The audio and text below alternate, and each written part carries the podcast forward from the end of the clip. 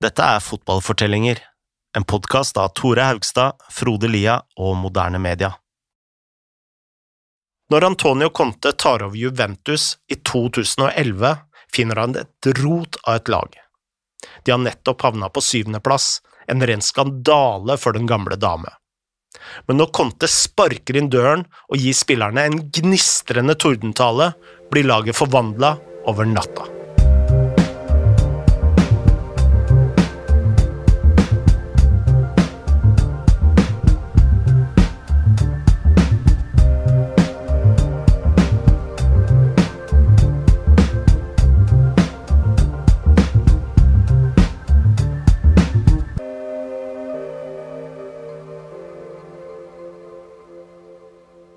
Innen 2011 hadde Juventus sklidd ned til syvendeplass to år på rad.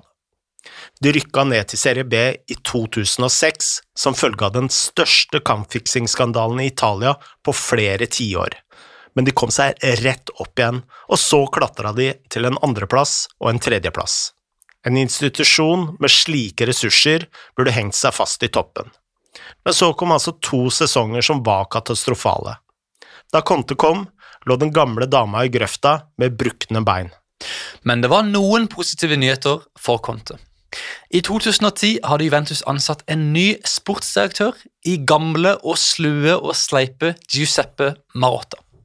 Dessuten var de i ferd med å flytte inn i en egen stadion, eh, og dette ville gjøre de til det eneste laget i hele Serie A som faktisk eide sin egen hjemmebane, siden resten leide disse nedslitne kommunale stadioner som var eid av kommunen. Og dette ga jo selvfølgelig Juventus en stor økonomisk fordel som Conte ville dra nytte av. Conte var ikke den eneste som flytta til Torino den sommeren. Marotta sto bak et kupp ved å hente Andrea Pirlo gratis fra Milan, og leverte en rekke andre navn som skulle forsterke laget. Men dette var ikke akkurat en gjeng Galacticos, og Conte tok over et lag som hadde fortjent syvendeplassen, ifølge Even Bråstad. Det er interessant å se på Juventus under Luigi Del Neri, hvor fryktelig dårlig Og under Saccheroni året før òg, hvor utrolig middelmådig de er. Eh, de er sjuende best i serien, men det er med Buffon, det er med Kilini, det er med Bonucci. Barzalli til dels uh, siste sesongen under Del Neri, i hvert fall siste halvdel. Marquisio er der, Del Piero er der. Det er ikke de store sånn, spillerforandringene de gjør den første sommeren Conte kommer inn. Det er Stefan Lichtsteiner, en uttrykksløs uh, sveitser på høyrebekken fra Lazio, og Andrea Pirlo, som Det er Andrea Pirlo, men han var uh, allerede blitt 31. Litt nedadgående kurve i, i, Milan, kom gratis derfra. Og så er det Simone Pepe som vil komme da fra Odinese. Det er ikke Pirlo er en svær signering, men det er ikke noe sånn, det er ikke noe storrengjøring av stallen som gjøres. Conte visste at han måtte endre hele kulturen i Juventus. Han ville gjenskape den brutale vinnermentaliteten som han sjøl hadde opplevd som spiller på 90-tallet, hvor unge talenter ble stilt til veggs og spurt, både én og to ganger, om de virkelig, virkelig, virkelig ville vinne. Den sommeren la Conte opp til en lang rekke med intense taktiske øvelser og nådeløse løpeøkter, og så dro hele stallen på en treningsleir hvor Conte satt standarden med en tale som lukta svidd. Pirlo har, er den som har beskrevet det, den sommeren der på den jeg tror det er selvbiografien hans, på den måten som har festa seg mest hos meg. Og det er eh, fordi Conte han blir beskrevet som en fyr som han åpner ikke døra til garderoben. Han, han krasjer gjennom den, han smeller den opp, han prater på en måte som gjør at alle holder helt kjeft. Det er samme hvem som sitter der. Han får en sånn umiddelbar respekt, og det klarte han med Andrea Pirlo. Eh, altså, da Andrea Pirlo er 31-32, og når man har lest litt og sett litt av Andrea Pirlo, så er han er ikke typen som bøyer seg for hvem som helst, og som ser opp til og lytter til hvem som helst. Han er rimelig trygg i seg sjøl. Men det er to ting han sa om, om, Antonio Conte, og det er, eh, som jeg husker veldig godt. og det er at han gikk inn i garderoben, om det var første dagen eller hva det var etter sommerpausa. Men så sier han at nå må dere slutte å være søppel. Og det, det, punktum. Dere må slutte å være søppel. Og så var det neste at det er, det er, veldig enkelt å slutte å være søppel. Det er å ta ett steg, og det steget det er å følge meg. Men det Pirlo også sa, var at øh, øh, Antonio Conte han, han er jo en type Når du ser han og liksom opplever han litt på avstand, så ser det ut som han, han er veldig mye form. Han er, mye, han er eksentrisk, han er høylytt, han er sur, grinete, klager hit og dit. Det føles ut som det er veldig følelsesstyrt uh, i måten han er fotballtrener på. Men Pirlo uh, sier jo selv at han ble helt sjokkert over hvor mye han lærte av Antonio Conte. Den uh, revitalisering av Andrea Pirlo var jo veldig viktig for Juventus de åra der. Og um, Antonio Conte trykka åpenbart på noen knapper i hele Juventus-troppen, men også hos uh, en som allerede liksom hadde gjort det meste som fotballspiller. Da. Selv om Conte krevde mye av spillerne, så var det ingen som jobba like hardt som ham. Han har sagt at han bruker fem timer i døgnet på søvn, tre timer på familien og de andre 16 timene på jobb.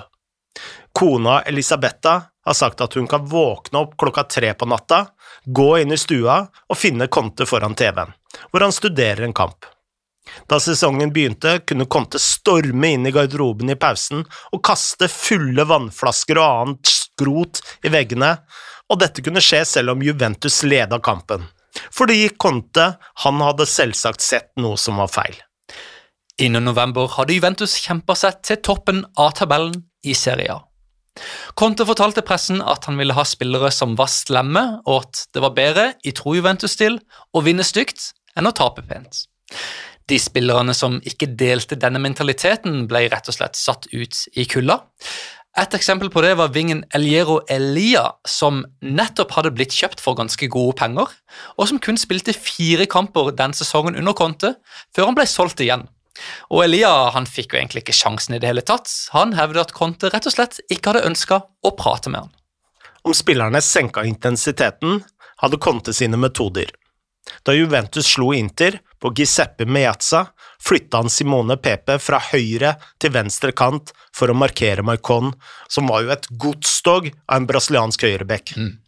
Han gjorde en strålende jobb, og etterpå sa Conte at uh, om Peppe i det hele tatt begynte å vise antydninger til å slappe av, hadde han brukt en kølle full av spikere som han trua med. Og vi får jo bare håpe for spillernes del at uh, dette var en uh, dårlig vits. Vi får det. Taktisk sett var Conte fleksibel.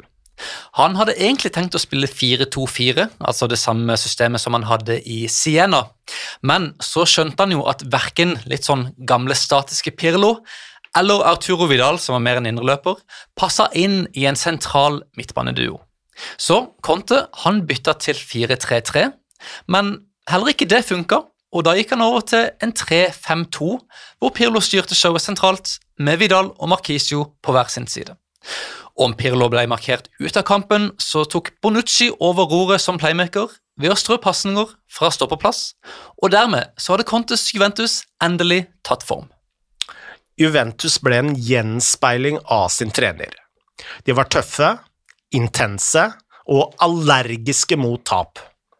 Innen april slåss de med Milan om tittelen, en periode hvor pressen ofte hylla dem andre trenere hadde kanskje vært veldig fornøyd med rosen, men Conte Conte han så blodrødt og samla stallen for en lang tordentale. For han fortalte dem at han grøssa over alle de fine orda, fordi han frykta at de kom til å slappe av. Så minnet han eh, spillerne på at eh, det eneste som vinner ligatitler, er blod, svette og tårer. De neste ukene granska Conte avisene på leting etter kritikk av laget. og Han gikk sikkert ut og kjøpte Gazzetta dello Sport og Tutto Sport og så over hver eneste lille overskrift. Og Målet med dette var å henge opp overskriftene på veggen i garderoben Uh, hvorav de største fornærmelsene ble markert med rød tusj. Minst én gang i uka samla han laget til en gjennomgang av denne pressen, hvor han leste opp de mest negative analysene han kunne finne, og spurte spillerne om hva de faktisk syntes om dette. Den eneste kritikken som Conte egentlig var enig i, kom fra en spiller som sa at Juventus hadde blitt det laget i Italia som var vanskeligst å like. Det har han helt rett i, sa Conte. Når vi ser denne fyren neste gang, så må vi si tusen takk. Dette er nemlig et kompliment. Det betyr at Juventus er tilbake. Og Juventus var virkelig tilbake. De avslutta sesongen på toppen av tabellen uten å ha tapt en eneste kamp. Resten av Italia hadde håpet at uh, dette var et blaff, og at Juve snart skulle bli verre, og Conte hadde planer å gjøre dem enda bedre. Etter ett år i Juventus visste alle nå hvordan Conte jobba. Han var besatt av video og filma hver eneste treningsøkt, og han mente oppriktig at en halvtime med videoanalyse kunne være like mye verdt som tre vanlige økter som ikke ble filma. Taktisk sett drilla han inn faste bevegelsesmønstre hvor alt gikk på skinner, og som spillerne snart kunne i blinde. Tanken bak dette var å gi de mindre begavede spillerne løsninger på forhånd, sånn at de visste til enhver tid hva de skulle gjøre med ballen. Denne ideen stammer fra Contes egen karriere som spiller.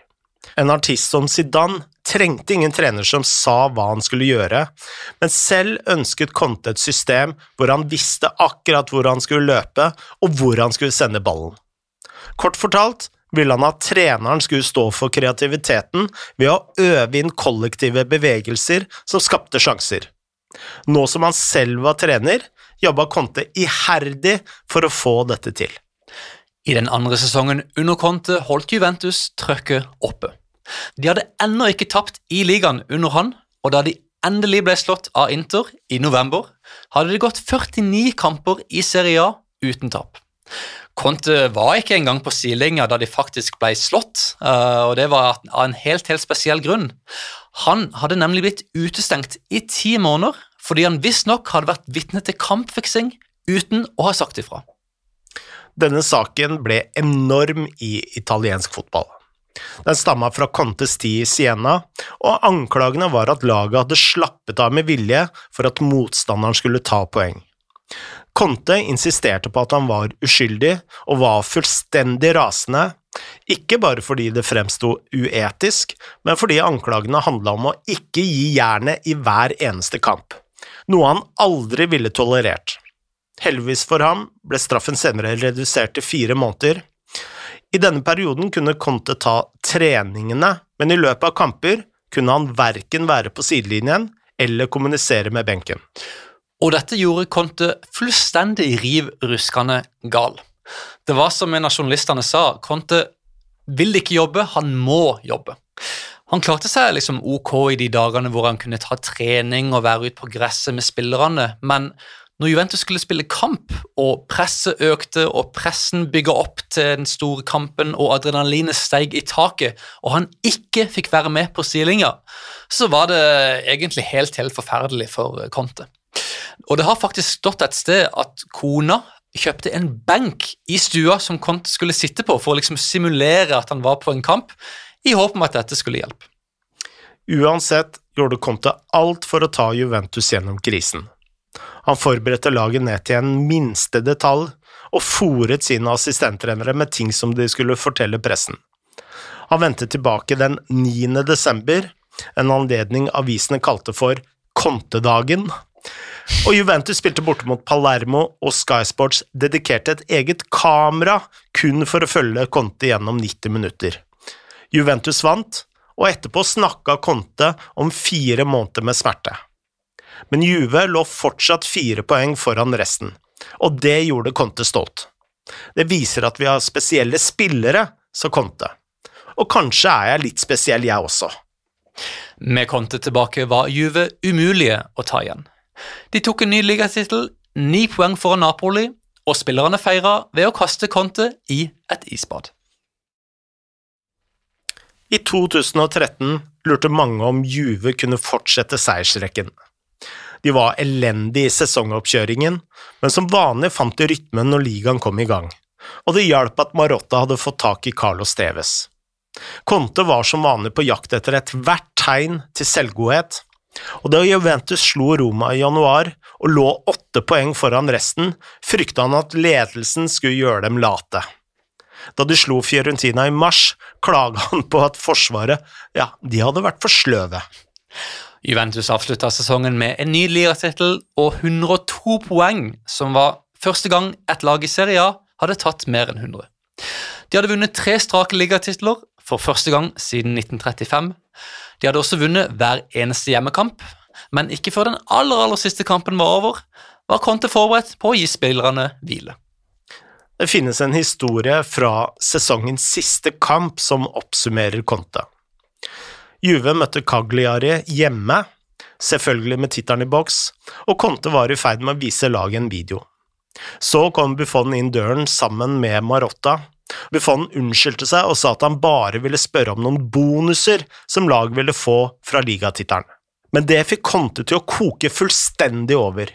Han jaga spillerne ut av rommet før han slaktet VM-vinneren Buffon som en skuffelse og en taper. Det er litt tvil om hvorvidt denne historien er sann. Det som er sikkert, er at Juventus overkjørte Cagliari og vant 3-0. Da spillerne tok sommerferie, virka det fra utsida som at Conte hadde bygga opp et dynasti som bare kom til å vare og vare og vare. Men da han og spillerne møtte opp igjen til sesongoppkjøringa, så tok Conte en avgjørelse som sjokkerte hele Italia. Han sa rett og slett takk for seg. Ingen hadde forventa at Conte skulle si opp nå. Da folk leita etter forklaringer, ble det snakk om Champions League, hvor Juve hadde skuffet i alle sine tre år under Conte. Selv følte Conte at Juve ikke hadde ressurser nok til å kjøpe spillerne han trengte for å nå til topps i Europa, spesielt når de andre gigantene brukte formuer hver eneste sommer. Argumentet til Conte var som følger. Du kan ikke spise på en femstjerners restaurant med ti euro i lomma. Altså, han, han, er jo et følelsesmenneske, og, og, hvis han ikke får det akkurat på den måten han ønsker, så, så er det ingen annen vei, på en måte. Det er, Conte, eller, altså, det er Contes vei eller ingenting, og sånn er han på godt og vondt. da. Eh, samtidig så, så, var det også rimelig tydelig i, i, intervjuet ganske kort i etterkant at det var slitasje også i spillergruppa. Han er en ekstremt intens uh, fyr.